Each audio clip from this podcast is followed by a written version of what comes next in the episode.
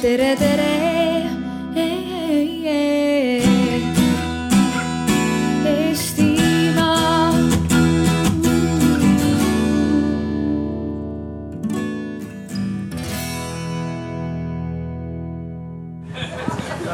Well, my iPad tells me it's time to start. I don't know if we're technically ready.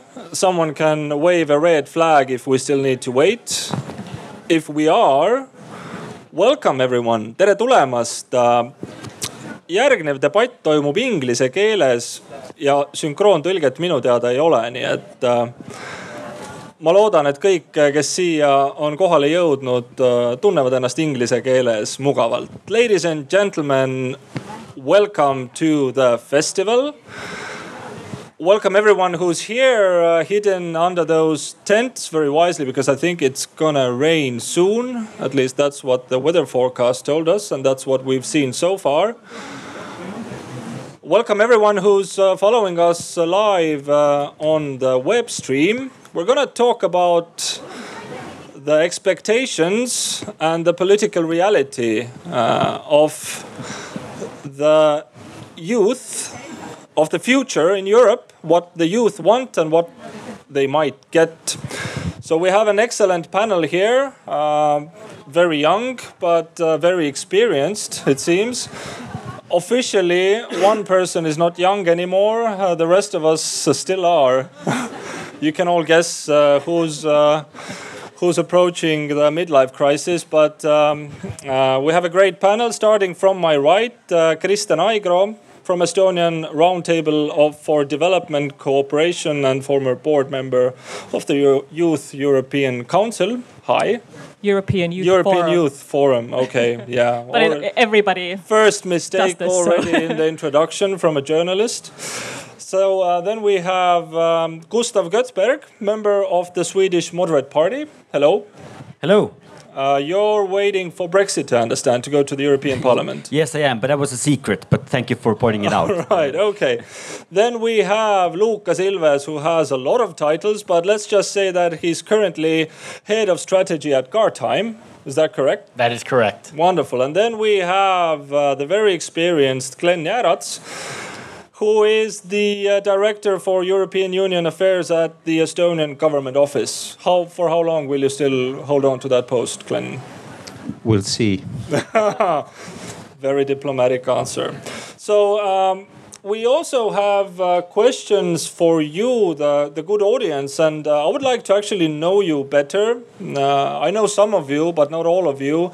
So, for a little warm up exercise, um, I suggest you take out your smartphones, those of you who haven't done so yet. Find your way to worksup.com. You have all actually the, um, the, the coordinates. Uh, in a very old school manner nailed to that tree uh, over there. So when you go to worksup.com, you have to enter the event ID, which is future 2035. So future and then numbers 2035. Then you should head to um, a place which has a title Tasks, and there you have three questions. And these three questions are there for me to know you better. So the three questions should be um, as followed: Do you do you follow uh, politics and events related to the EU? You can choose yes, no, or I don't know. Do you believe that you are able to influence EU decision-making process, and do you feel that the EU needs a change? Could you kindly, um, yeah, find a minute to answer those uh, three questions?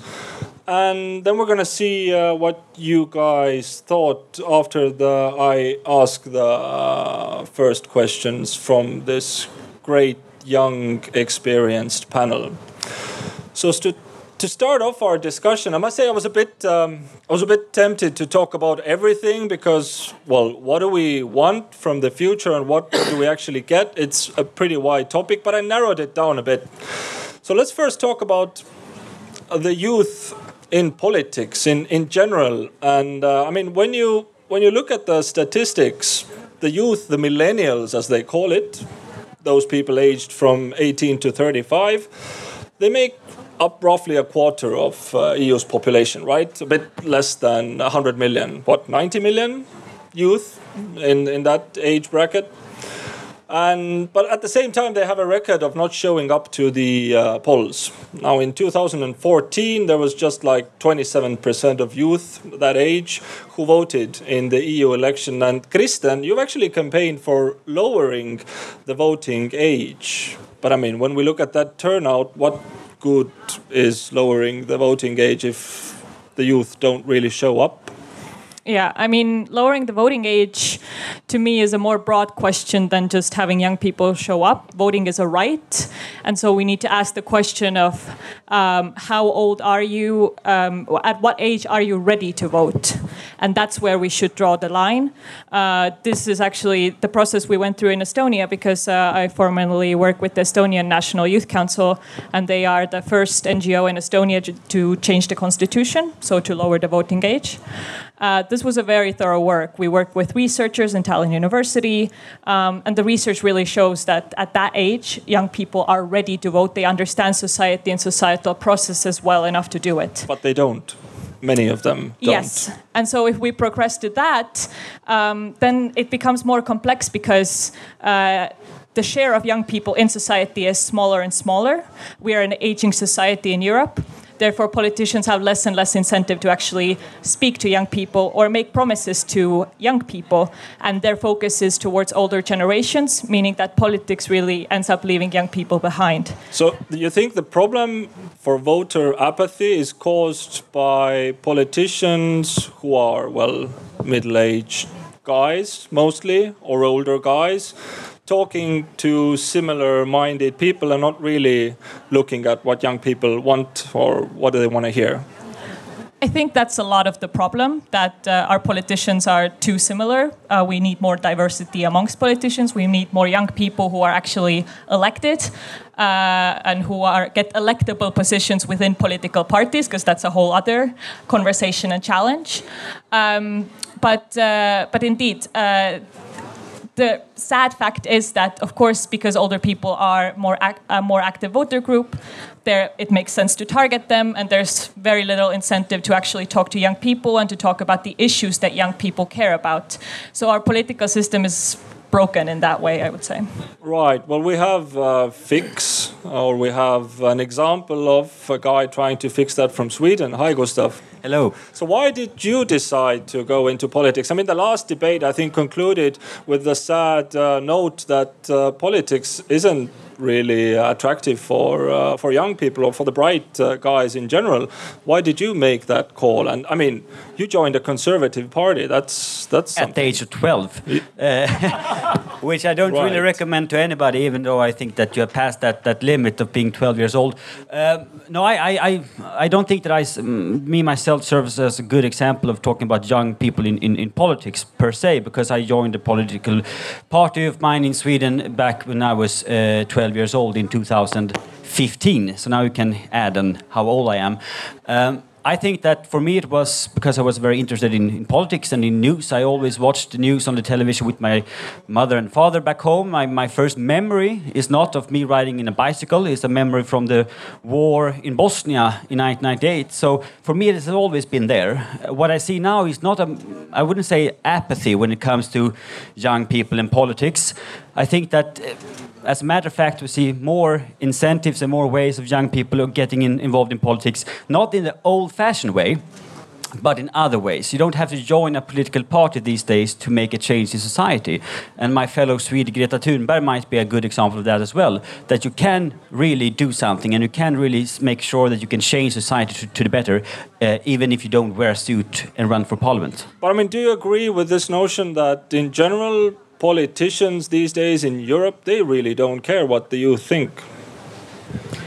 No, because I don't think that you can say that there's a way youth think. I think very, very different from a 25 year old communist. Uh, because we are young, of course, and of course we have some some mutual perspectives, but we are also individuals, and we have different ideas, and we have different uh, experiences, and we live in Paide, or we live in Gothenburg, or we live in Oslo, we live anywhere else, and I think that that is a perspective as well that you can't really say that youth, young people from the age of one to the age of 30 is some kind of an, an, an uh, alienated uh, group of people who are not, you know, uh, who, who, who, who really has uh, the same ideas just because their age. No, I think we can all agree with that. But I mean, but what what what, uh, what was just said was that well, politicians in general they don't really care what the younger generation thinks because well there aren't too many of them and they never vote. The older guys vote. Do you have that practical experience when looking at your colleagues in the parliament? Not really. We have a saying and, and uh, an anonymous member of the swedish parliament said that it's of course it's very important to listen to old voters but we should always recall that they might be dead to the next election. Uh, having that said, with a sense of humor, I think it's also essential to realize that the young people not re really are the future because we are. We know that for sure, and that is some kind of a cliche. But we also knowing that young people have now a force within them with social media and everything else, making sure that they can really create turmoil and chaos if the older politicians don't listen to them. And I think that that social change, the social activity, is something quite new and something good and vi vital for, for the public debate. Right. We're going to get into technology and social media in the second half of the discussion. But Lukas, I mean, you have all the prerequisites of uh, getting into politics, right? Uh, your family, I mean, your father, all the experience in the world concerning politics. You've worked as a civil servant. You've you've seen how policy making works. Why don't you want to uh, enter that yeah. that cycle? I'll get to that in a second, but first I, I want to point out that Estonia disproves maybe some assertions or the hypothesis that youth in politics make a big structural change in how politics are run. I mean, we have a country where two of the last two prime ministers were under 40 when they took office.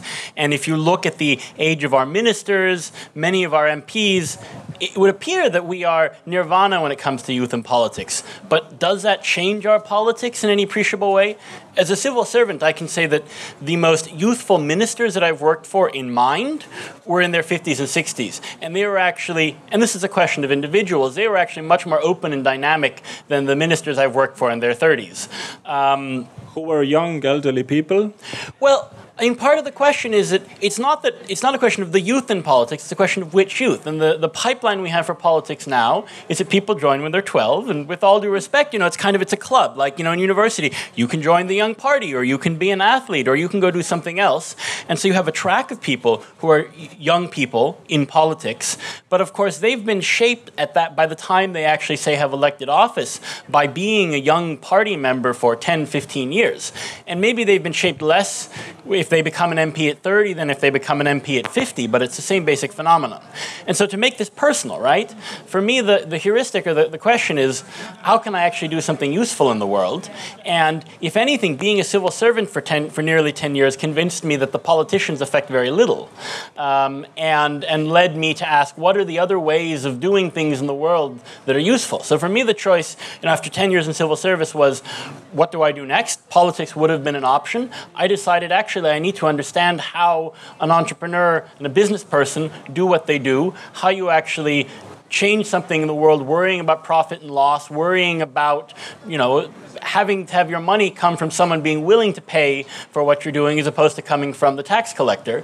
With the hypothesis that that's a skill set that if I then, the next time around, I think about what to do five or ten years from now, if I want to go into politics, that's a that's a whole new skill set I have. Or to put it differently, if I go back to being a civil servant, I know how to regulate the private sector even harder. What a nice answer, Glenn. You've been you've been circling um, in Brussels for uh, for ages, for ages. Yeah, so you have uh, you have a great experience. Uh, I mean, do the leaders who gather there really consider? The needs and wishes of the millennials, or is the political reality something completely different?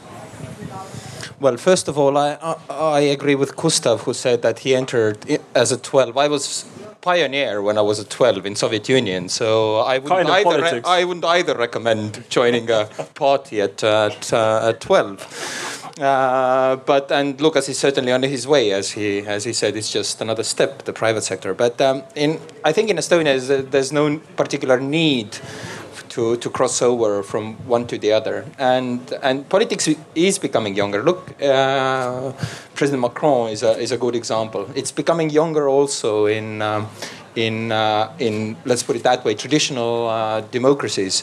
And perhaps politics is becoming more interesting in the sense that uh, that parties are a limiting factor uh, based on very strict worldview and, and voting patterns and whipping and, and all that. Take platform, the mic, take the mic, Glenn. Platform type of uh, democracy is perhaps much more interesting uh, that is now emerging. Five Star Movement, uh, En Marche in, uh, in so so I think also due to technology politics is changing, the communication infrastructure is changing, so it changes much more.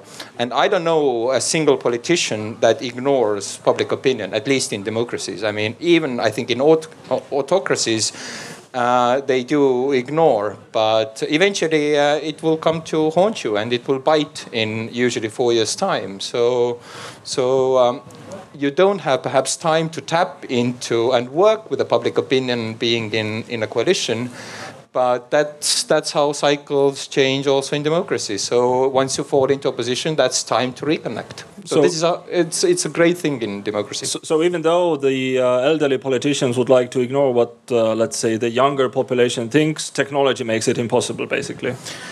I think democracy is a good way. There's no right and wrong in terms of redistributionary politics. So that's why I'm always been of, of, of mind that, that social policy should be very close to citizens and linked to. And I, I wouldn't want to Europeanize it because there's no right and wrong.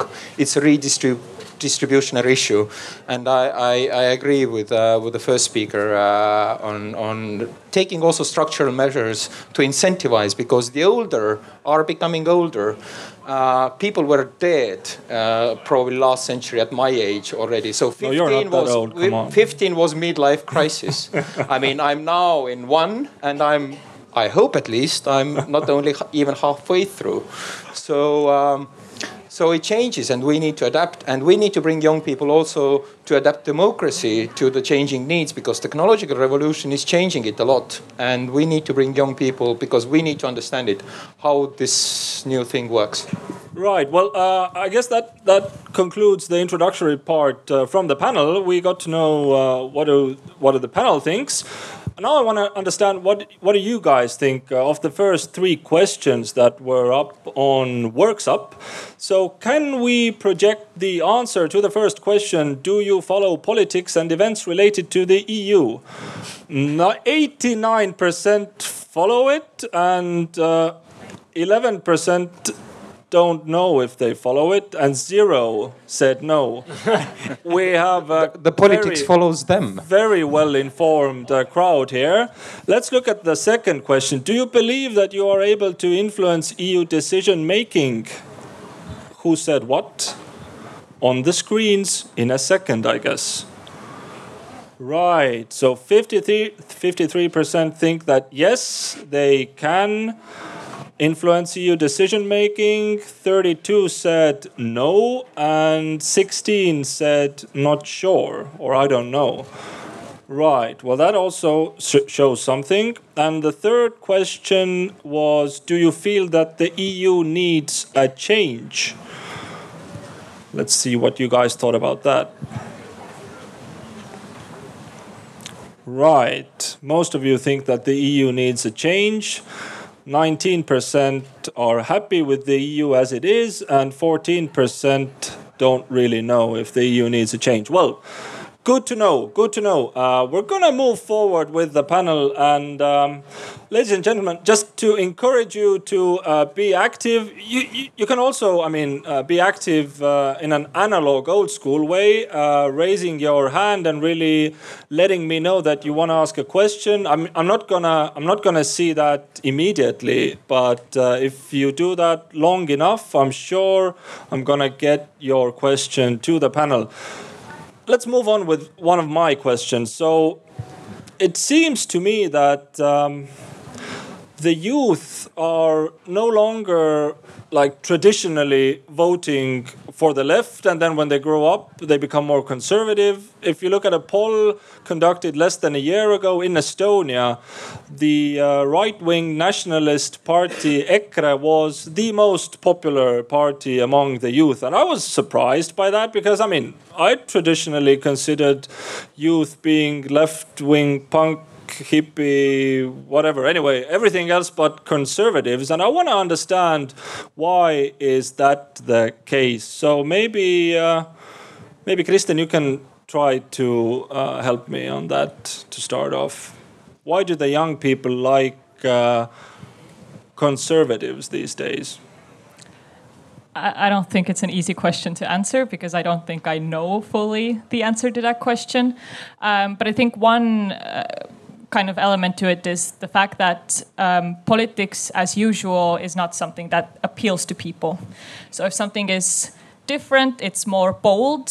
Um, that tends to be something that kind of uh, can bring in people who weren't interested before, can bring in people who felt that politics wasn't speaking to them before. So I think there's that element to it because, yes, in Estonia, um, there are some statistics about the EKRE, uh, yet I think it's also exciting to see that in other parts of Europe we can see the Green Party having similar level of popularity, especially if we look at the last European Parliament elections as well. Uh, our Green Party isn't quite to that level to get that excitement out of people. I, I've spoken to many friends who say that they would love for us to have the kind of Green Party that uh, exists, let's say, uh, in Germany and they would vote for it as well. So I think people are looking for an alternative. They're looking for a different kind of politics, and the impression is that these parties offer that, and that's why they are drawn to it. Gustav, what do you think? I mean, what does the Swedish uh, example tell us? Well, I agree with that of an, uh, young people wanting an alternative. And looking at the Swedish example, it was five or six or seven years ago we had a centre-right government in Sweden, and we had Uh, government ministers claiming that they were feminists, and that was really astonishing within the Conservative Party I represent. And then we had ministers saying that they didn't really want the more private alternatives when it came to the social sector, which was quite astonishing as well, because at that time in Sweden we had some kind of a leftist trend. It was popular to be involved in, in environmentalist policies, which has historically been seen as, as more left-leaning trends. And now we have a conservative trend after that. So I think that if we meet here in five years, we will discuss the, the ongoing trends of liberal policies or of left policies again, because I believe that these things go in trends.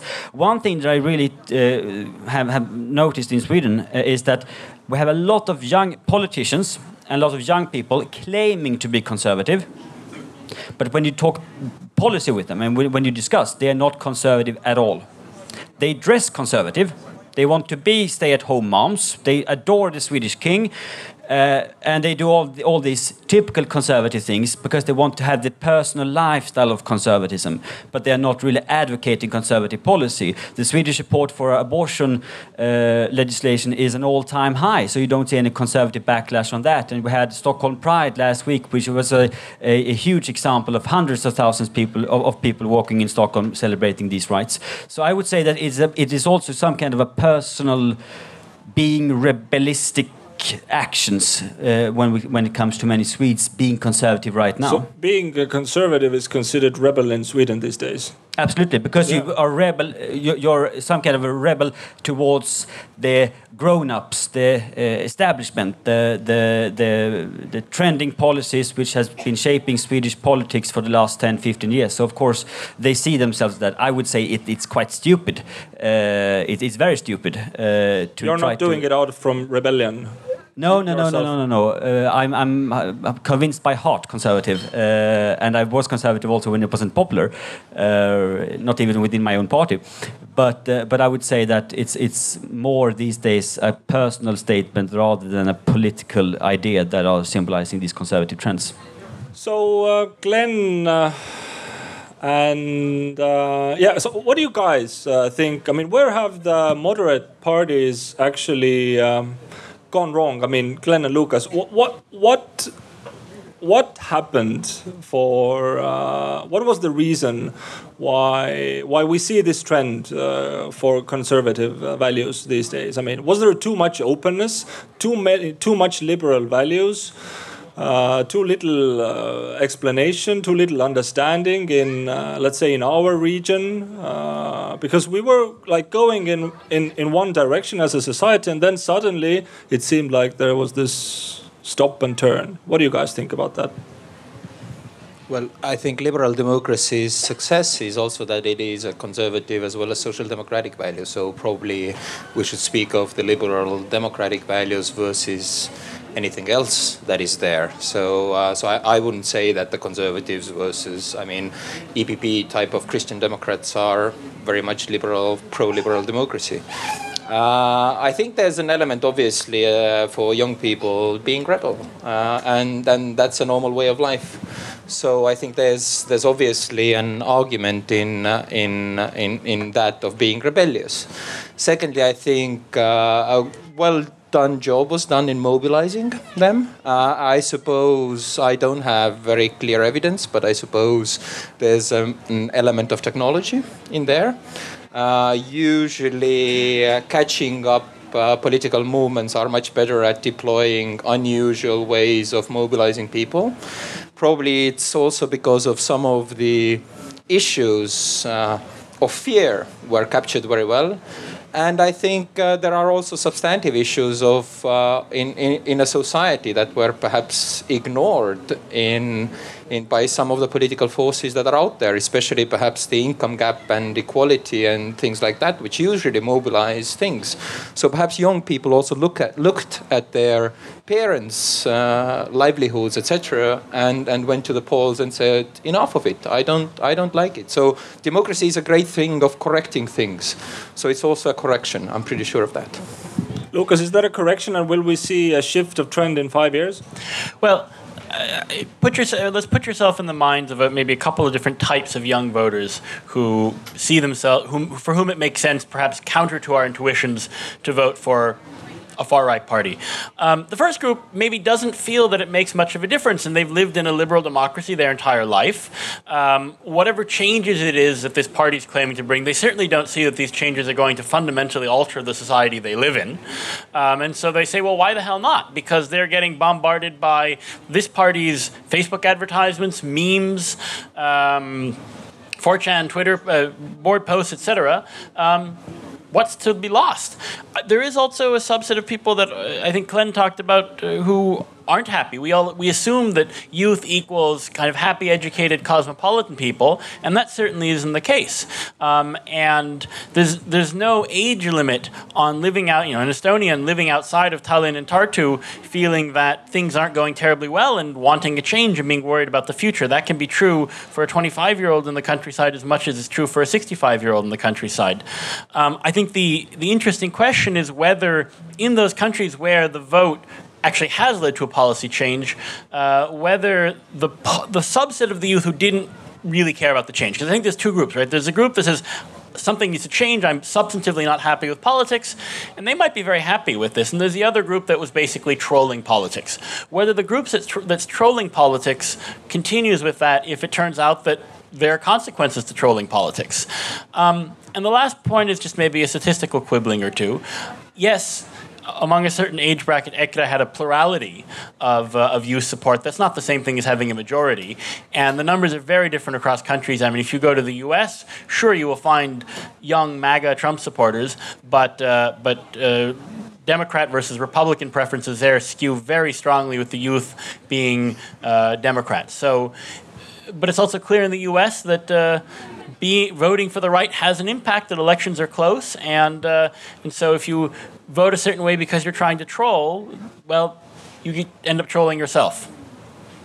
Interesting. Uh, everyone in the audience, um, have, have I ignored you? I mean, do you have questions? Do you want to? Oh, I see, I see a hand going up there. Uh, where is the microphone? I'm not really sure about that. Uh, um, do we have a mic for the gentleman over there? Or will we do it without a mic and I'm just gonna repeat the question to the microphone? Okay, sir, please ask your question. I'm gonna repeat it for those uh, of who, yeah. As you see, I, I've been young for a very long time. I, I, I agree, conservatism is now, as it was when I was young, in, in, in, in, the, in the Thatcher days, it is the ultimate expression of rebellion. And it's, young people you saw in the, in the Brexit campaign are divided between those who are essentially obedient and those who are essentially rebellious.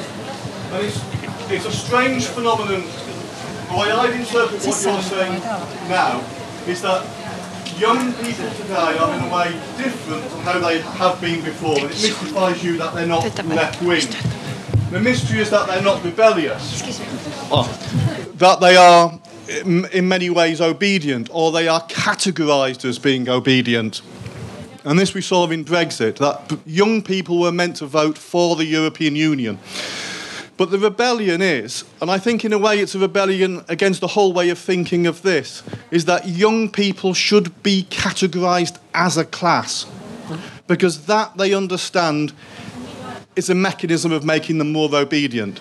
It says that your interests as a young person are fundamentally different to the interests of your parents. And people instinctively understand this is the way of dividing me from my parents.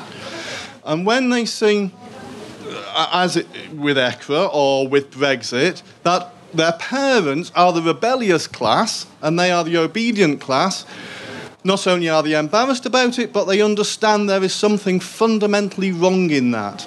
Mm. Right. Do you have a question, or was that the, the, the comment? Well, it's a comment, but it, I'm trying to pose it as a question because I'm trying to interpret what you're saying, but in a different way.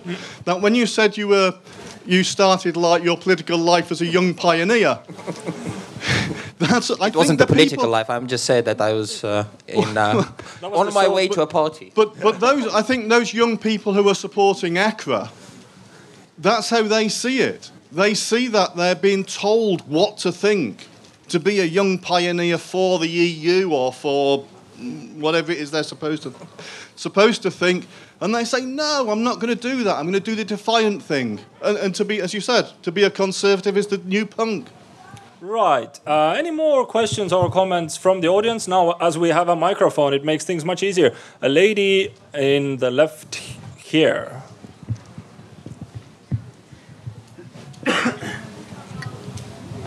Thank you.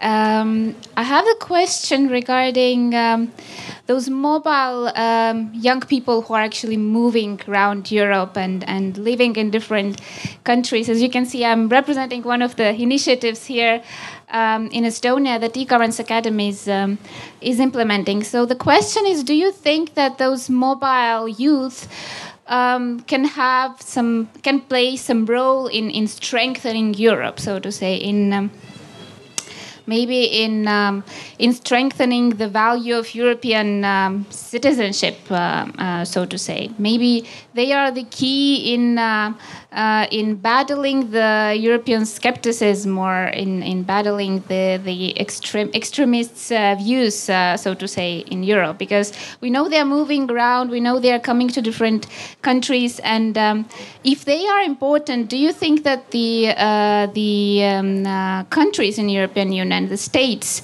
um, can make um, something in order to make them feel more welcomed, so to say. We are uh, working on, um, on different recommendations how to make them feel more integrated uh, in Estonia. And um, do you think that uh, this is something to be to be done by, by countries in the European Union? So, so if, did I understand the question correct? Can mobile EU citizens EU, change yeah. attitudes yeah uh, are they in Europe are they generally important um, and can they can they strengthen Europe overall and if so what can we do to support this right so well say? go ahead guys who wants to answer that well, generally, I think all the programs such as Erasmus are are the best known in Europe. I think the older generation, especially in our country, has missed out because we joined Union uh, uh, in 204. So, uh, so a large part of society, perhaps we would need to have Erasmus for elderly people, I, in general, I think the cultural exchange and traveling is pretty good against all sorts of biases against any sort of neighbor, even within your own country. So uh, go for it. So one one question I would ask when you say mobile youth, I mean, Glenn, you have one image of mobile youth, which is university students uh, spending a semester somewhere else. But I think the single largest group of mobile youth in the EU were relatively young Poles, Romanians, Lithuanians going to do uh, labor in the UK. Um, so um, clearly, that integration project didn't work out perfectly uh, because that was one of the motivators for a lot of Brexit voters. So I don't know if that's a constructive answer, um, but uh, but I think that we have to kind of when we say mobile youth, we have to be clear on who and what we're talking about. It's not just this one group. The group I think that Glenn's talking about, part of the issue though is, I mean, these are people who anyways are educated and cosmopolitan in their outlook. So probably their views on the EU were fairly positive uh, before they undertook their mobility and they're probably going to interact mostly with um, university, you know, people in universities or, or certain types of employers who might also share those views. So it's not clear how much, what, what portion of, say, mobile youth of that group in the EU, if they say come to Estonia, are going to end up outside of Tallinn and Tartu. Gustav. I think that uh, the, the the integration of Europe and and having young Europeans going to different countries to, to work or to study is, is fundamental. It, it's beautiful. It's it's great. However, I think it's quite dangerous to say that you know the Erasmus program and, and everything else serves as trying to make these young Europeans as ambassadors for an idea of European identity or European values. Uh, that is first first and foremost a, quite a paternalistic way of, of looking at young people. And I would say also it's very difficult to to try to define these European values because I would say that I my definition of European values is not the same as the Viktor Orban would define European values or European identity and so on. So I think it's very good that we have that discussion about it, but I'm not really sure that the way forward is to say that we need to have more European integration because we have, need to have more European common values, because then can end up in a, in a direction which is very, very different to the so-called values we have today uh, on a common ground.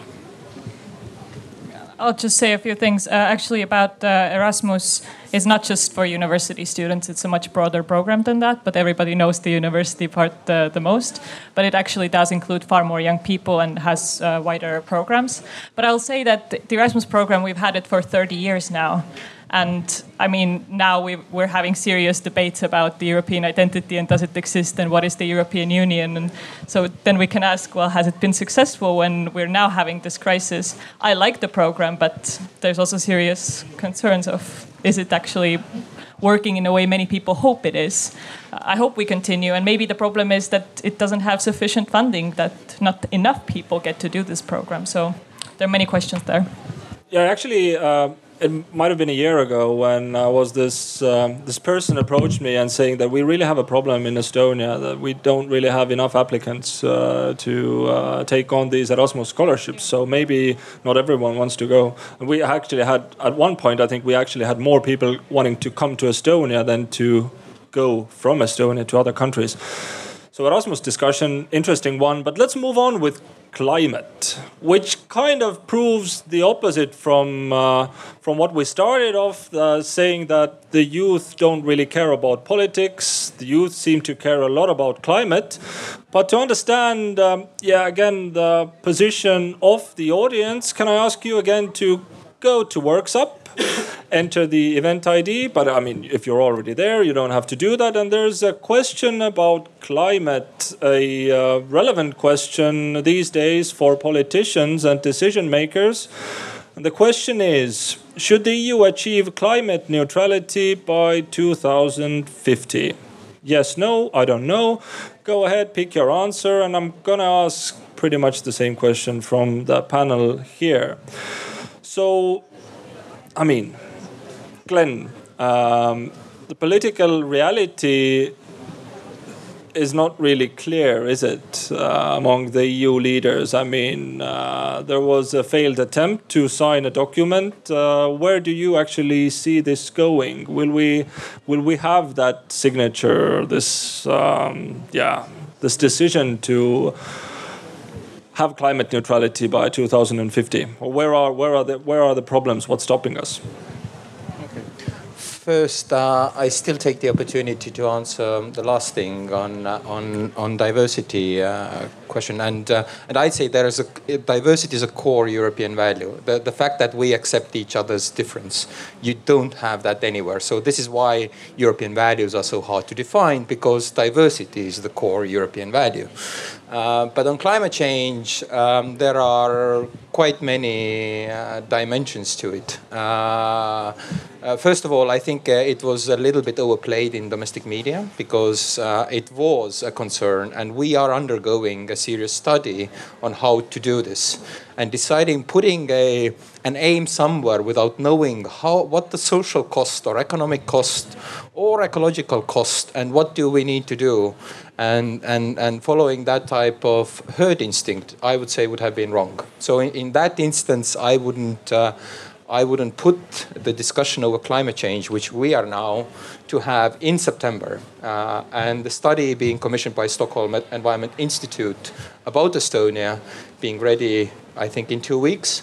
Uh, I think that's the right way to go. We should also tell people what this will take. What does this really mean? It really means a big, big change. I was just coming from another debate on science, and uh, I mean, it's an enormous change. Only in energy, in transport, the way we live, the way of mobility. It's, it's just easy to say, let's do this. Why, why 100? Why not 150, 200%? But it's an enormous change. But there is also an opportunity. So, so everybody understands if we take the opportunity, we might actually be big winners, especially on the technology, labor, etc. side. Uh, the ones who adapt first. And it's also a big ethical question. It's, it's because fundamentally it's a question about us because we are the problem. We, the humans, are the problem. Lukas, I mean, we all know Greta Thunberg, who sparked uh, a popular movement on September the 20th. There's going to be a massive protest. I mean, where do you see this debate really going? Is it is the is the gap between the youth and this real politic? Is it just enlarging? Will we see more more protests, or is that debate actually like moving the planet forward? Well, I don't know where it's fundamentally going to go. I think that uh, there are probably two issues where, if you were trying to identify uh, a collective youth position, probably they're the future of our social systems and climate, where you have these questions of intergenerational equity. Um, so, if you're going to have a youth position, and it's never going to be 100% of the youth, but you're going to have a clear skew, it's going to be on climate, it's going to be on pensions and questions like this.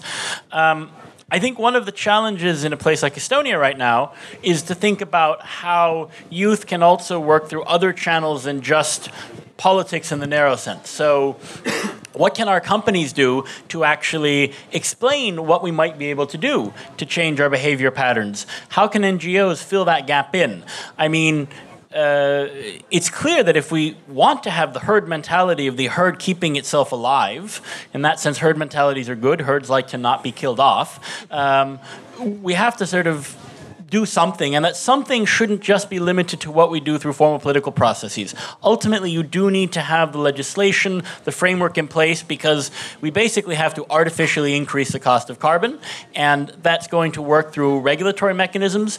But in fleshing out how we do that and what the possibilities are, and in a country like Estonia, changing the debate, I think maybe the message isn't just that the youth politicians need to do something, but it's the 30 year old head of strategy in a tech company or the 30 year old um, head of an NGO doing the hard exercise of thinking, well, what can my organization, what can I do where I'm sitting right now to actually help to that process? And perhaps that's the, the youth engagement we need as much as anything else, so that the political decision, when it gets made, is one that's actually makeable. Gustav, uh, how has uh, uh, is she 15 or is she 16, Greta? How She's getting old. She's 16 now. 16, yeah. Okay. How has she changed the political discussion in Sweden? Well, a year ago, nobody really knew who, who she was. She started her school strikes outside the Riksdag uh, in, in Stockholm in August last year when we had general elections in Sweden. So, of course, now she's met the Pope and everyone else. So, of course, she's a big influencer, and of course, uh, what she does is, is tremendously important one nudging thing I feel about the case of Greta Thunberg, now I'm being very conservative, I apologize for that, is that she hasn't really yet defined, and some would say it, it is her role, uh, what should be done.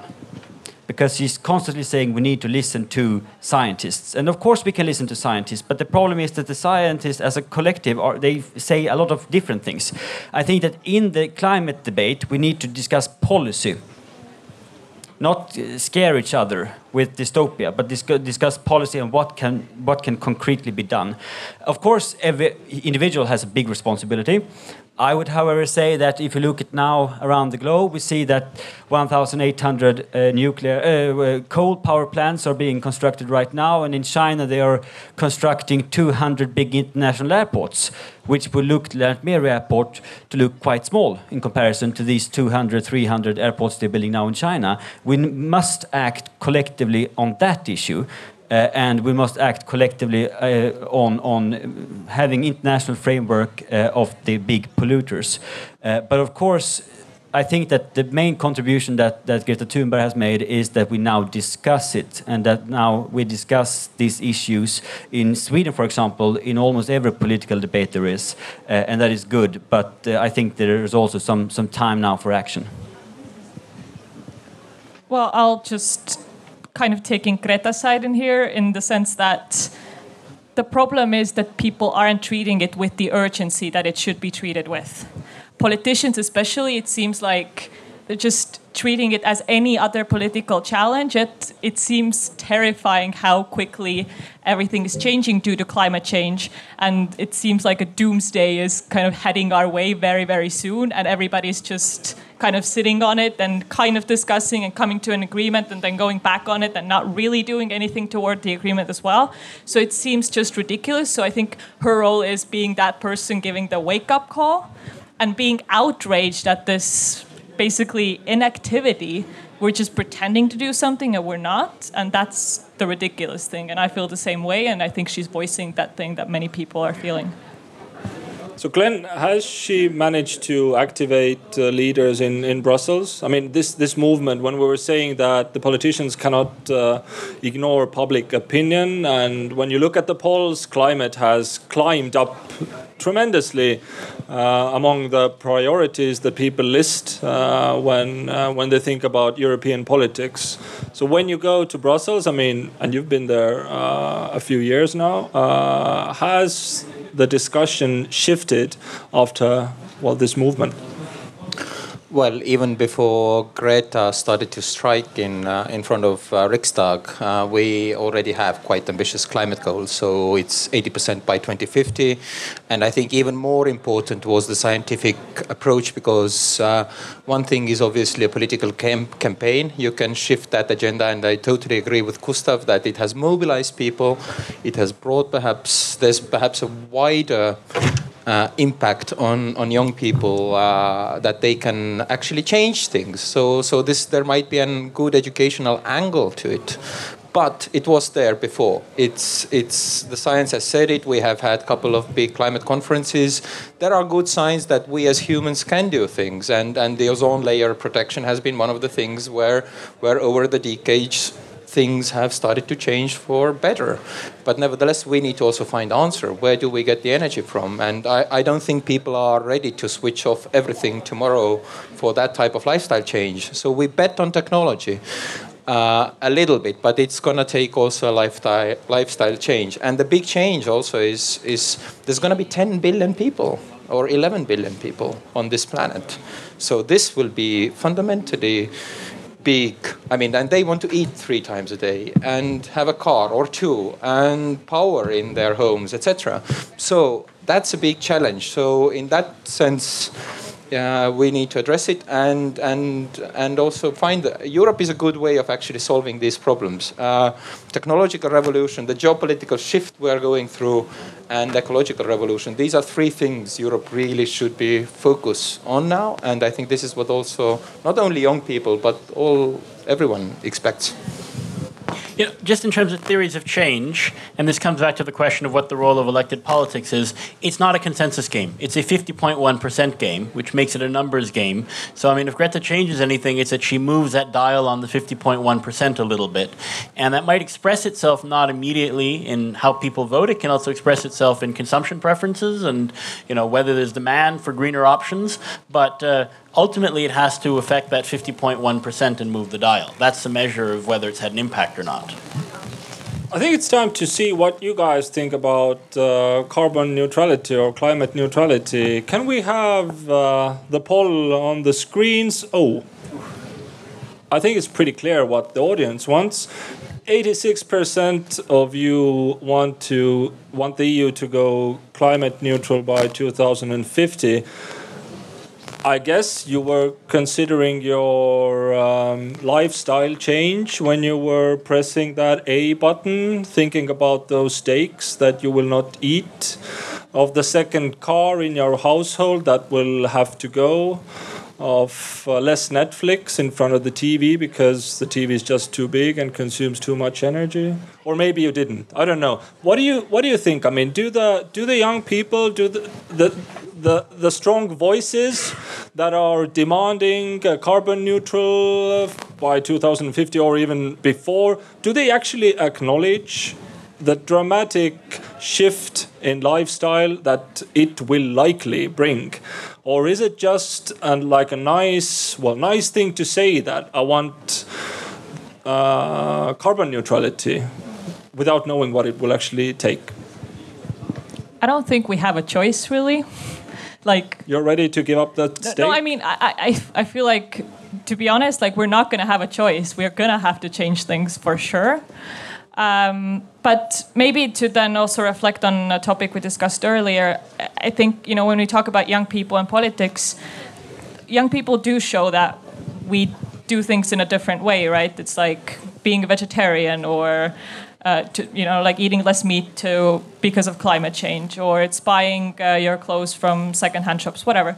Like taking your own actions i think this is a trend this is something that we do see young people doing where it's they feel like they're really making a difference. Um, and there are more who do it but I, again young people are not the homogenous group so not all of them do it not all of them look at it this way. Um, so yeah. Basically i I would like to say, I, I, in a way, it's not the relevant question because we don't really have a choice with this. We just have to act and we have to reduce. Um, but uh, the younger generation shows good examples of ways to do it uh, and taking lead. So uh, I'm optimistic about it. Right. The audience, do you have questions or comments on that? Oh, we do have uh, one white uh, sweater over there with a hand up. Ava, go ahead. Um, perhaps to well not uh, provoke you Glenn but um, i just wanted to make a comment on the fact that european union has had all sorts of solutions and maybe some wins also in terms of you know policy and you know i can name for example the uh, renewable renewable plastics thing but um, i think of course the um, change starts from individual level and we all have to do it but to be honest like the real impact would come from the big players making a big big impact, but we haven't seen that. We we really need to uh, challenge the status quo to actually make a big change because those small small initiatives, even if they have been there for like ten years or whatnot, they haven't really made an impact that would be urgent enough or you know big enough because you know the sense of urgency is there. Well, can I say that? I mean, just a couple of hundred kilometers from here, the power station has stopped producing electricity. So that's an answer for you. The, the government is considering how can it uh, work with the miners now. So that's a very, very real impact on Estonian power production. You should, uh, you should look around what the ETS that has been invented to, to, uh, to change and bring about the shift in electricity production, industrial uh, production, and, and, and transport will do. So it has a very, very real change. And the good thing I'm saying that we cannot coordinate individual level action. Uh, industrial level action we can, uh, and Europe has done some great work. And the problem is that with individual action is that who's going to blink first because it's a cost issue as well. So if everyone takes the cost and shares an understanding, we can actually achieve that much better rather than Sweden going it alone because Swedish industry will then suffer Swedish electricity prices, etc. So if we do it in a coordinated way, we, I think, can achieve that type of challenges much, much better. You go ahead, Lukas. Without, without making, without passing moral judgment, I mean, part of the practical problem you have is that First of all, Estonia is one of the countries that will be least impacted, right? So the kind of the the feedback loop of actions to consequences is weaker here. But let's actually look at a broader paradox. And I, I, I say leaving aside the moral justice question because if you go back into history at who's polluted more, it's a more complex picture. But right now, criticize European leaders as much as you do. They're the ones that globally have been pushing for all the measures that would have impact maybe they should have been pushing for more, but uh, the difficulties have been getting the US, China, India to sign on, all of which, including the US in particular, are countries that will suffer more. So the paradox we have right now is that Europe, that in aggregate, yes, it will suffer, absolutely, there will be difficulties and dislocations, but actually will suffer less from climate change, is trying to do a whole lot more about it than the rest of the world, which will suffer more. And that, that leaves aside the moral question of, again, developing countries haven't had the chance to emit as much, so perhaps they can counter with the fairness argument, but the fact of the matter is they're doing less and they'll suffer more. More questions from the audience? Yep. There's a question over here. Can we get a mic there? Mic's coming. Hi, I'm Mike. no, it's over here. Okay, sorry. Hi. Um, you made a criticism of Greta's campaign and the climate campaigns around it, which is that it doesn't contain any actionable policy directives.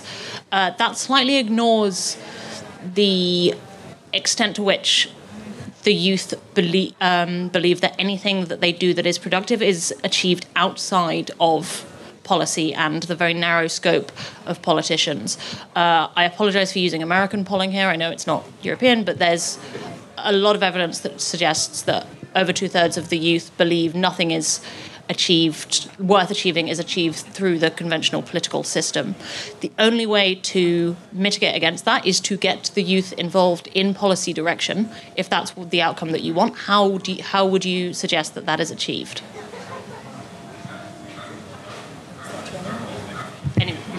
Did you get that?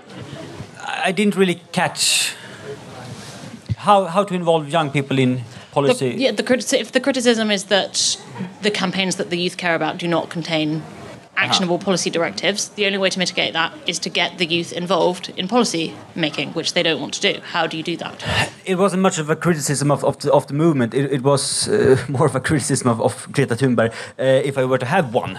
Because I really, I want to really point it out. I think that she's doing a tremendous job. But if I were to be a bit critical, I would say that it's it's uh, it's it would be better if we came down and talked about concrete reforms. I would say that one thing that my own political party has done in Sweden is that you know having a political party as the moderate party where the youth league is bigger than the than the big party when it comes to membership means means that we have a lot of things to to say uh, and we have a lot of things to to point out when it comes to the internal policy making. That is one way political parties can work. Uh, I would say that the European Youth Forums and other uh, the European um, helping with this, uh, the European youth representatives and the youth representatives to the United Nations and, and everything yes. that we have yeah. is also a good way of trying to formalize uh, one way into to decision making, but also encourage the movement that we see because we need more of the Fridays for Future. And I think that I really hope that this movement will continue to grow. But one thing that I will hope will come out from this is that instead of having a big news buzz in Swedish newspapers about Greta Thunberg going over the Atlantic Sea in a boat, which really consummated the, the, the, the, the whole news in Sweden last week of having this boat trip, uh, you know, the gossipy thing around her. I would say that it would be better if we tried to to bring smart people together and try to focus on, on, on how to deal and address uh, the concrete issues. I think that the way she started is very good, but I think that politicians need to do more and to involve uh, young people as well. Lukas. Just from a, ultimately from a private sector company perspective, because we talk about the Green New Deal and we talk about the big R&D that needs to happen. Uh, the thing you really want is certainty that the demand's actually going to be there. And as I said before, the issue is that the demand is artificial in the sense that you need to raise the, the cost of carbon, right? And this is the big picture of what we need to do. We know. I mean, we've had the Kyoto Protocol for a long time. We've had international agreements where we know it was agreed and we know it was set out to be agreed and we kind of know what we weren't able to agree to but what we should be doing. So what we're actually someone like Greta Thunberg helps, even if she doesn't have specific proposals, because those specific proposals are already out there, if she helps create an environment where a company might think, well, this isn't just a couple of politicians, this has broader support give them some kind of confidence that this might actually translate into political change, which makes it more worthwhile for them to actually spend time on thinking, well, what can I do now to get ahead of this trend? Because what you really want is you want everyone to think it's inevitable that we're going to have the political pressure to do something, so I might as well get on board now. So if, if she can do something to make it more inevitable, that's great. But of course, that brings us back to the 50.1% question. I'm just curious, uh, how has this debate, uh, or if this debate has changed your mind about the 2015 climate goal? So, can I ask the kind technicians to put that question again on a WorksUp? So, the question is Should the EU achieve climate neutrality by 2050? I mean, I'd be very happy if you answered that again. And those of you who have changed your minds, go ahead and do that. Those of you who still think that's the case, that'd be good to know. Let's move on with technology. Uh, it, it has slipped through the debate uh, several times already, talking about democracy in a digital era where people consume their news via social networks and that's something that's been puzzling me for a while and something that i can't really answer on my own is this fundamental question about freedom of speech and the responsibility of platforms. And i want to ask you guys what do you think i mean um, how do democracies survive in the era of internet and social networking? I mean, should we regulate those platforms where people are consuming this information more? I mean, as we are, let's say, regulating, I don't know. Uh, we were discussing before about nuclear energy, right? As we are regulating all those atoms that are radioactive. I mean, maybe a bad comparison, but let's say, should Facebook have a responsibility of the content that is up there? Gustav, what do you think? Well, my my spine reaction is to say that I think that the, the all legislation should be tech neutral uh, because trying to regulate and and and, and subsidize and, and legislate uh, when it comes to, to tech platforms would be devastating since tech platforms tend to develop quite faster than legislation processes do. Uh, I would say that the main interest from, from my perspective is that we have a European solution to this problem and to this issue. I'm not sure how this would look. I'm not sure how it would, would act. I'm not sure how it would be. But I think that having these new trends that we're seeing, uh, the, the only solution to it is to have legislation which is, in the best of worlds, totally global. But since we don't live in the best of all worlds, uh, I think the solution would be European legislation for it. Right. Glenn, uh, I think it's fair to say that we might not have Brexit if there wasn't Facebook, or it would have turned out perhaps differently. Would you agree with that? And could you? Yeah, I know you watched a good series recently or a good documentary. Talk about that well, I think the argument is is there on, on technology, and I wouldn't say Facebook is, was Facebook only leaked the client data. Uh, it was the Cambridge Analytica that uh, made the personnel profiles and ad targets, and also then you deployed Facebook as an as an uh, as a technology uh, to to deliver a a very personalized message, and obviously with artificial intelligence, with uh, voice, picture, etc., being uh, being also quite human-like. Let's put it that way. Uh, this will change politics. But I think the technology itself is, is perhaps not so important. It's, it's important, but it's, it's what it does and what it does to the, to the society. And, and we come from industrial society, very hierarchical. We have parties, we have governments, parliaments, media, uh, Fifth Freedom, etc., are part of that. And this reflects the communication infrastructure of society. In technology, you have something which is called Conway law.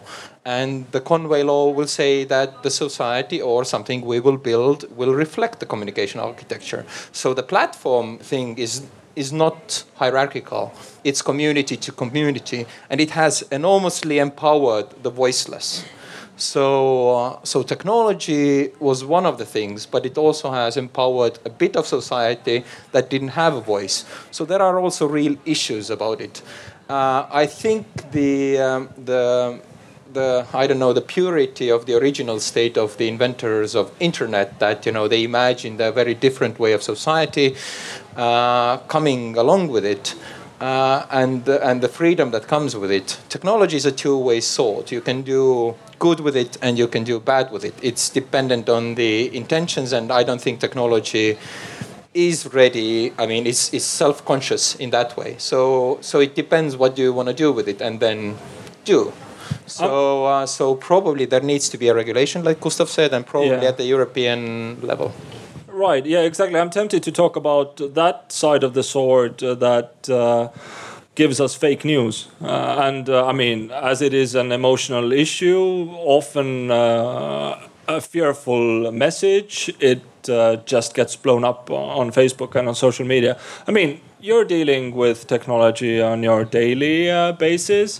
What do you think? Do we need a regulation to really uh, regulate this thing? Let, let me give you a less philosophical answer, right? And let's talk about concrete particulars.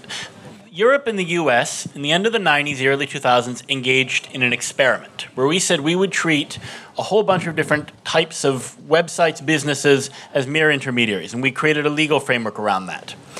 And the issue isn't in the abstract, was that a good, good idea or a bad idea? At the time, it was a good idea. It's brought a lot of benefits.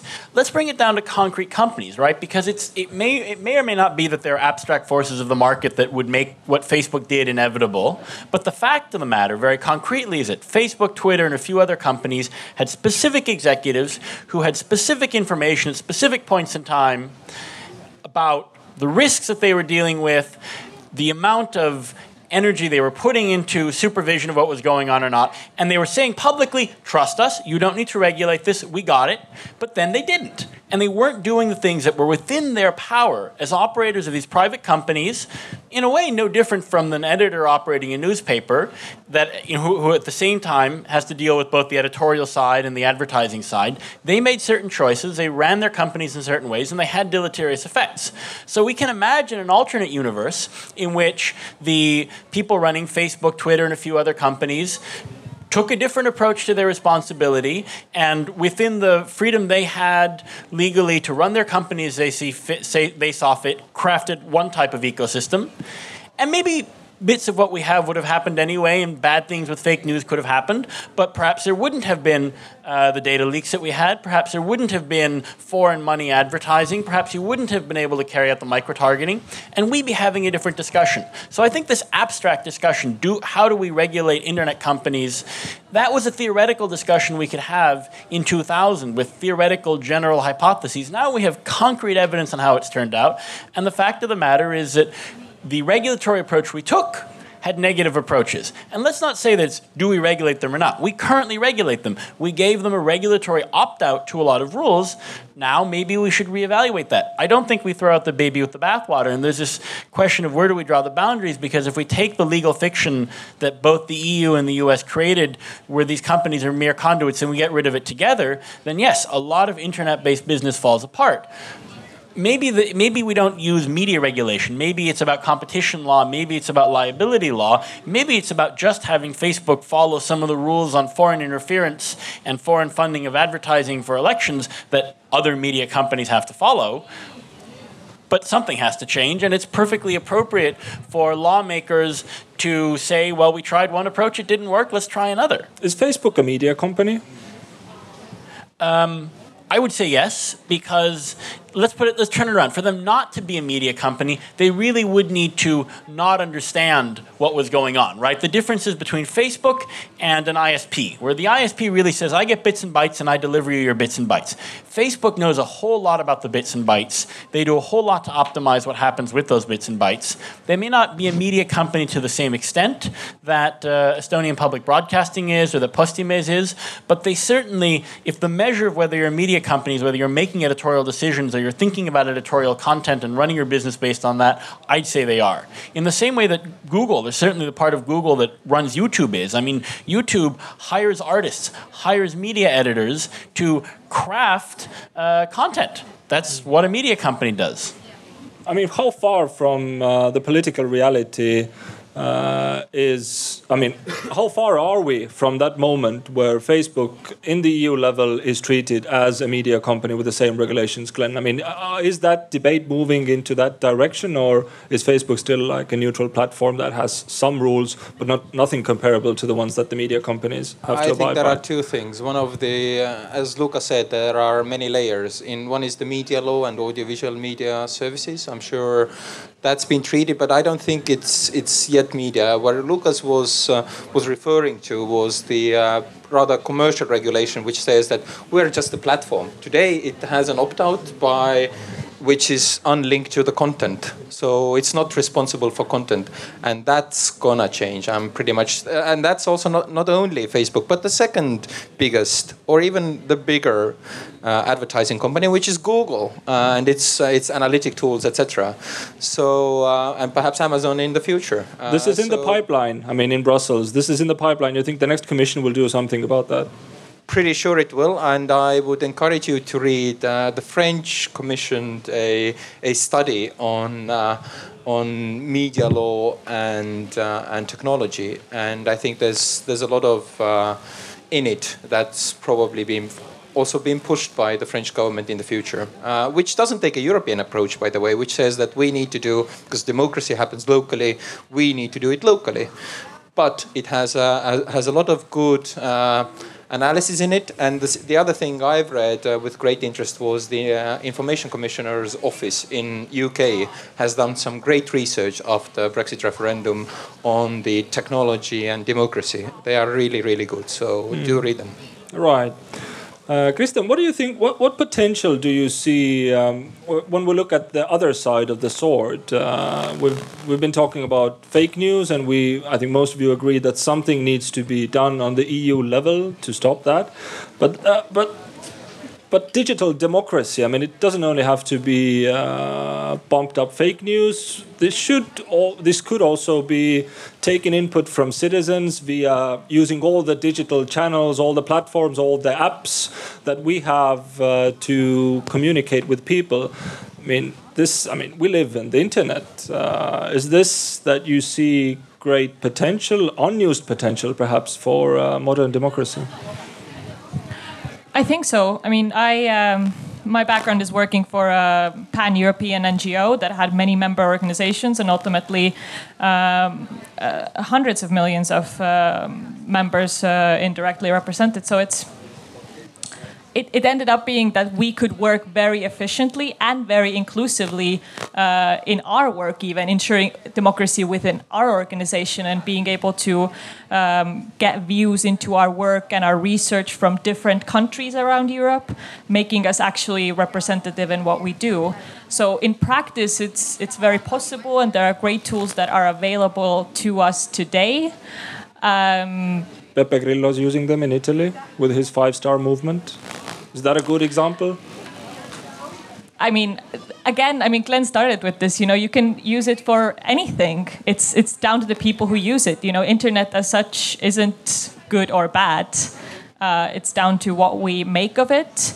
I tend to see more of the good sides, uh, but I met people who think all social media is bad. Period, and there's no further discussion um, I, I, don't think it's to that level. I think it's brought many great things uh, you know, many people can watch us online right now. They can hear this discussion from their couch at home or wherever they're traveling for holidays.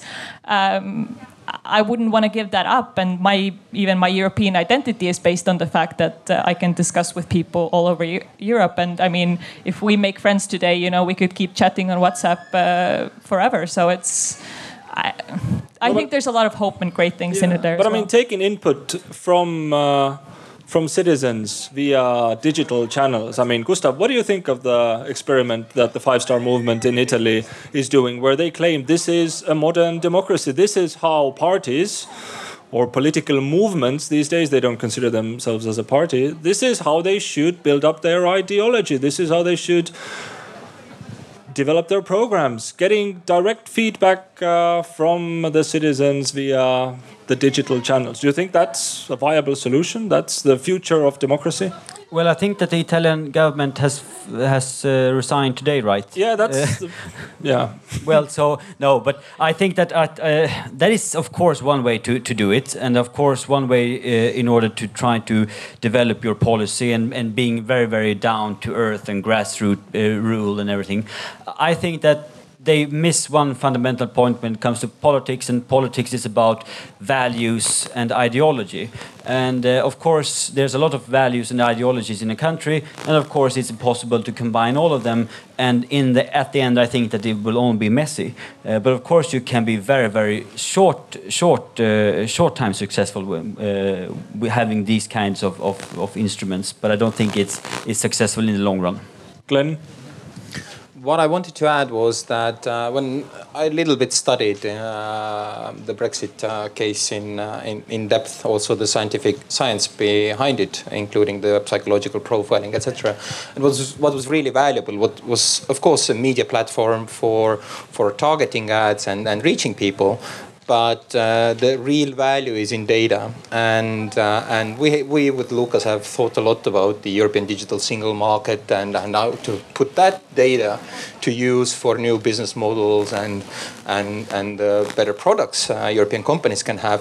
But we haven't given a lot of thought in in the data we have in the government databases for politics because this would also be a way of making that available on a level playing field because the problem with Brexit was actually non-level playing field. One party had access huge amount amount of data and the other party didn't. We need to find a way of level playing field, giving all political movements that are recognized as parties access to that data and knowing not at the personal level, at the personal data level, but in the problems level, because we can have a lot of data out of what we have the health information, the works information, the education information, what the problems really are, and what the solutions could be. So we need to find a way to data uh, to give actu- actually access of political parties to it as a resource because we control media as a resource for politicians because that's an important way of reaching citizens.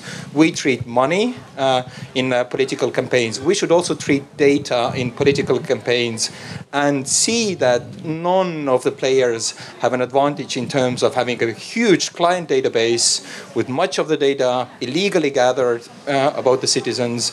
But actually, everybody had a data to it and then run a campaign and get more knowledge about the the, the country they live, the problems we have, and the solutions also we have, because we have enormous amount of data also as a, as a government. Mm. We haven't figured that uh, angle out. Mm-hmm. Right, guys. Uh, do you have questions or comments concerning uh, democracy in a digital era? Either be it on the fake, uh, fake news side, uh, or direct democracy, or using free movement of data as an equal platform for all? Nope, I don't think so. No? All cool? No questions? Okay. Can we see what you guys thought about the, the climate question before we move forward? Oh, you see, this debate actually changed something. So the political reality uh, seems to have hit you. Uh, 80% of you answered that yes, the EU should be climate neutral by 2050. I think that was 94% before, right? I think the dinner is cancelled, right? So No, no, no dinner today. Yeah, and 20, 20 says 20 says no.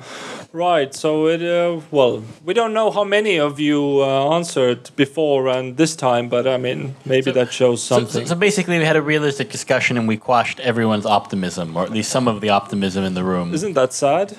Not again. Right, guys. Um, I mean, we could pick another topic uh, because I mean, uh, So I, I I have an, just an observation, and this is this is a meta point, right? But uh, something that's been bothering me is that uh, we're a pretty crappy youth panel, and uh, in, in two ways, right? One is that uh, uh, I don't know everyone's age here, but I know Clint is over thirty. I know I'm over thirty, and we don't have anyone under twenty, right? Um, so we don't have, you know, my my sister's uh, ninth grade compatriots who I think five out of eight that she did an informal survey of wanted to vote for EKRE and who aren't thinking about politics. And then we also have four people who are in one way or another part of the elite, who are active in politics, who are civil servants, who used to be civil servants and, and, and now work in a company in a sort of white collar position, who are running civil society movements. We're not emblematic of the disaffected youth. So, I mean, if we're going to have in the future a panel about youth and politics, we literally need to go and grab a PIDA teenager, maybe someone who you know who, who speaks English, but frankly, Estonians have some of the best English in Europe, so that shouldn't be a problem, and find a way to bribe them to be here for an hour and a half and give honest answers because I think that might give us some more insight um, into the mythical youth than than four unrepresentative samples. As someone who's worked for a youth movement, I've been to so many events and panels where there's no young people discussing about young people. We're a bit better than those panels, I would say. But you're right. Like, if you want to talk about young people, you need to talk with young people, and they need to be at the table for sure. Right. One more topic uh, in this already uh, vivid mixture of uh, different ideas uh, is let's talk. I mean, when we're talking about technology, it's clear that the future of the labor market is somewhat different than uh, what we've uh, grown used to. Now, this was one of the topic we discussed with you over the phone that is actually a problem for the youth or is an important issue for the youth. So let's bring that on uh, for the for the last ten minutes of, of our discussion. I mean, how do you think? Um, I mean, how will the app economy change uh, the careers uh, of uh, of tomorrow? What are the problems that you actually see there? I mean, is uh, social tax one of the one of the words that we should talk about? Yeah, I mean, that's definitely one of the bigger questions of what are the social security systems in place now with our interesting new jobs driving Ubers or Bolts or uh, whatever else there is, and how do we catch up with that? Um, I, I don't know what the progress on the European uh, pillar on social rights is that the right way to say it? Yeah, we can check that with Glenn. Yeah. Yeah. Um, is, uh, but that's a major question of how will you know those people who are not contributing towards their pensions now, uh, who might not have uh, health care. Um, how do we adapt to this new type of work? really? Companies not paying tax. Exactly. So what do you do about that? I mean, yeah. I, I, I think it's a, part of the issue with this question is it has the, the the the extent to which it's a problem really varies by country, and I think it's less of an issue in Estonia, for instance, where because we basically designed our social system later, it's less dependent on companies, right? It's it's more straightforward to be a sole proprietor, to pay your social tax, to contribute to your pension. It's not perfect, and people have a short-term incentive, perhaps not to do that, but it's not as big a challenge for Estonia to adjust its uh, its pension and and uh, and various welfare state provisions to work with this. In fact, it's much more just an enforcement question of applying the current legislation than it is for a country where healthcare and pensions really go through employers.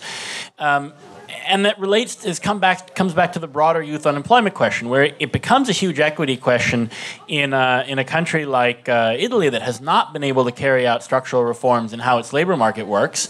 But a lot of you know youth unemployment is a question isn't a separate political issue in many countries in Europe because youth do fairly decent jobs at getting work. And I mean, if I look at the app economy in Estonia, I admit I don't have the numbers, but if I look sort of purely, and this is purely experiential, right? If I look at the average age of an Uber driver in Brussels, where I lived for four years, versus the average age of an Uber or a Taxify driver in Estonia, I don't see it as a youth issue in Estonia. I mean, there may be some issues with uh, with making sure that people who are working for the app economy are paying their social taxes, but it's as much it's probably more of an issue for the 55 year old who maybe is not making the right pension contributions versus in, in Paris or in Brussels, where it really is young people who are taking these jobs for lack of other opportunities. So I think it's it's one of those issues as a lot of other you know before we had climate come as a, as a political issue and people talked about youth political issues they talked about a lot of pseudo issues that were more reflections of the fact that the welfare state in southwestern Europe and I guess that includes France um, and and so on really hadn't modernized itself but that wasn't a youth issue that was a can't reform your welfare state issue that happened to impact youth a lot. Glenn, how's the social pillar doing? I'm the fact check guy. Yeah, um, the political reality check guy. okay, uh, one of the most interesting books I've um, read lately was um, was Shoshana Zuboff's book uh, about surveillance capitalism, and she makes a point. Uh, she makes a point over uh, what uh, technology's impact in in the overall welfare and social model, and she basically says that uh, that digital technology capitalism, which we are pretty much living now, is going to break the labor relations because the industrial model of society is built on labor relations. So we have democratic democratic model, which is a correction mechanism, but we have also trade unions talking to industry. There is no need for trade unions for digital uh, technology. So it will break a social model, and that will be the real fundamental problem of of redistribution and welfare society. So that's her bottom line. I think there's there's certainly a point in there. Not only the the democratic issue, the disruption of of, uh, but we are living a general purpose technologies revolution. So it will change uh, the economy model. Second point, I think, from the European point of view and the social model point of view, that again, uh, uh, we worked with Lucas a lot on the digital single market. So, on the upside of, of that technology, so generating a big market, having uh, a lot of opportunities in a single market for uh, companies to operate, and then obviously uh, compete with China and, and US. I think with this legislative cycle, we're moving towards the issues of digital taxation because I think socially is not acceptable that the business advantage is, is, has been got through the not paying taxes. I think everybody accepts the basic fact that if you have a better business model, it's all right. But if mom and dad's shop will have to pay taxes and the internet company will, doesn't have to, it's not a fair competition. And this is a fundamental issue in a society. Second of all, I think the platform workers uh, will be in the scope of work uh, they will be called workers. The business model cannot be that the taxi companies pay social tax and the platform companies will not. So I'm sure this issue will be addressed because this issue will end up in a ballot box. These guys were voting for Brexit, were voting for radical forces in society because radical forces tap into that left behind force. We need to reconnect with that and see that this model of our society still uh, works. Gustav, you agree with that? Uh, to some extent, yes. Uh, but I would say one observation from Sweden is that if we look at Uber, for example, uh, and looking also at the 163,000 refugees my country took in 2015, which I must admit was a good decision by my government to do. Uh, a lot Coming from a conservative, you heard that? A conservative who has been arrested in Kampala for gay rights. Right. Uh, well, that is a rebel thing in yeah, Sweden. That's, I understand. That's really rebellious. Uh, 163,000 refugees in 2015, many of whom have been working as Uber drivers. And the alternative to that is to not work at all, which would lead to, to further government uh, uh, further gov government spending and subsidies and everything else. So of course it's it's not good if you really fond of the traditional labor market uh, systems, and it's not good to have these revolutionary uh, models coming through, and no politicians or no legislators really know how to deal with it. But I think for the for the ordinary men and women working with these issues and working as Uber drivers, this has been the really alternative of them of not having a job at all, and that has also led to a very good integration in Sweden. So of course I can see that the app app-driven economy is very good and has served as a very good role model for for integration processes when it comes to refugees. Mm -hmm just in, in response to the stories, obviously that's that's one side, and I, am all for that. You know, people like me, if I want, can drive at the evening uh, for one hour and uh, or two hours and make some extra money, etc. Part-time job. But for I've read a very interesting piece in Estonian news media about the taxi driver, how his work has changed over the last three years. He has turned from a worker into an entrepreneur, not paying taxes anymore, no working regulation, no timing, so perhaps uh, becoming also dangerous, and and fairly radicalized over over this type of change. And eventually, the only way possible for a correction is at the ballot box. They'll go to a ballot box and say what they like or not, unless politics deals with it. Well, looking at the time, seems it's time to wrap up. If there's a comment from the audience that, like, you really need to get out, that is the time now. That is the time to give your comment. If not, I would ask Lucas to wrap this up because he's uh, he's on the like the most tech savvy guy among us, I guess. So, what do you see uh, the app-based economy? I mean, how how does it have to change, not to radicalize societies and to still have this element of innovation and bringing the economy forward? I maybe I'm too blasé about it, but. Uh, effectively, if we're making if we're making sure that we apply the same working time regulations, the same pension regulations, if if, if as Glenn says we treat work as work, that's really all we have to do. And maybe this is a too simplistic Estonian way of thinking of it that we think this is kind of making those legislative changes with, is within the realm of the possible. Um, and maybe if I were to pull that to my sort of broader contribution to the wrap up. Um, if politics works and does what it's supposed to do, and, and that includes connecting to policy, right, which is often civil servants and ministries working off of you know analysis and, and facts and not doing a very good job connecting to voters and the media. But if those two can connect with each other and actually can adjust and react in a sort of human time frame of months and years, not decades, then maybe we don't need to have too many youth and politics panels. Well, that's a great wrap up. Ladies and gentlemen, thank you very much for listening. Before you head out to that um, vegetarian uh, dinner, 80, percent of you at least, uh, can I ask you to open up um, Works Up one last time? Uh, I have a question that you uh, that I have to ask you to answer? Uh, that's a good question, actually. Uh, then the question is Do you find today's event a good forum for exchanging opinions and ideas related to the EU? Trouble. yes, no, or I don't know. You have uh, 30 seconds to pick your answer. And then we're going to see the results. I'm going to give you another another 20 seconds there. I think it was a good uh, good way. I'm biased, of course, but uh, I enjoyed the conversation. We're gonna see if the audience did as well. The sun even came out. so 10 last seconds, and then we're gonna look at the answers. Five, four, three, two, one. Okay, let's see what you thought. Wow, was that one how, person? Yeah, how many people? We need to have how independent many? electoral can you, commission. Can you raise your hands? Who who did that? that okay, one, two, three, four. Okay, more than three, four people. Thank you very much for participation. Thanks very much for the panelists. See you around.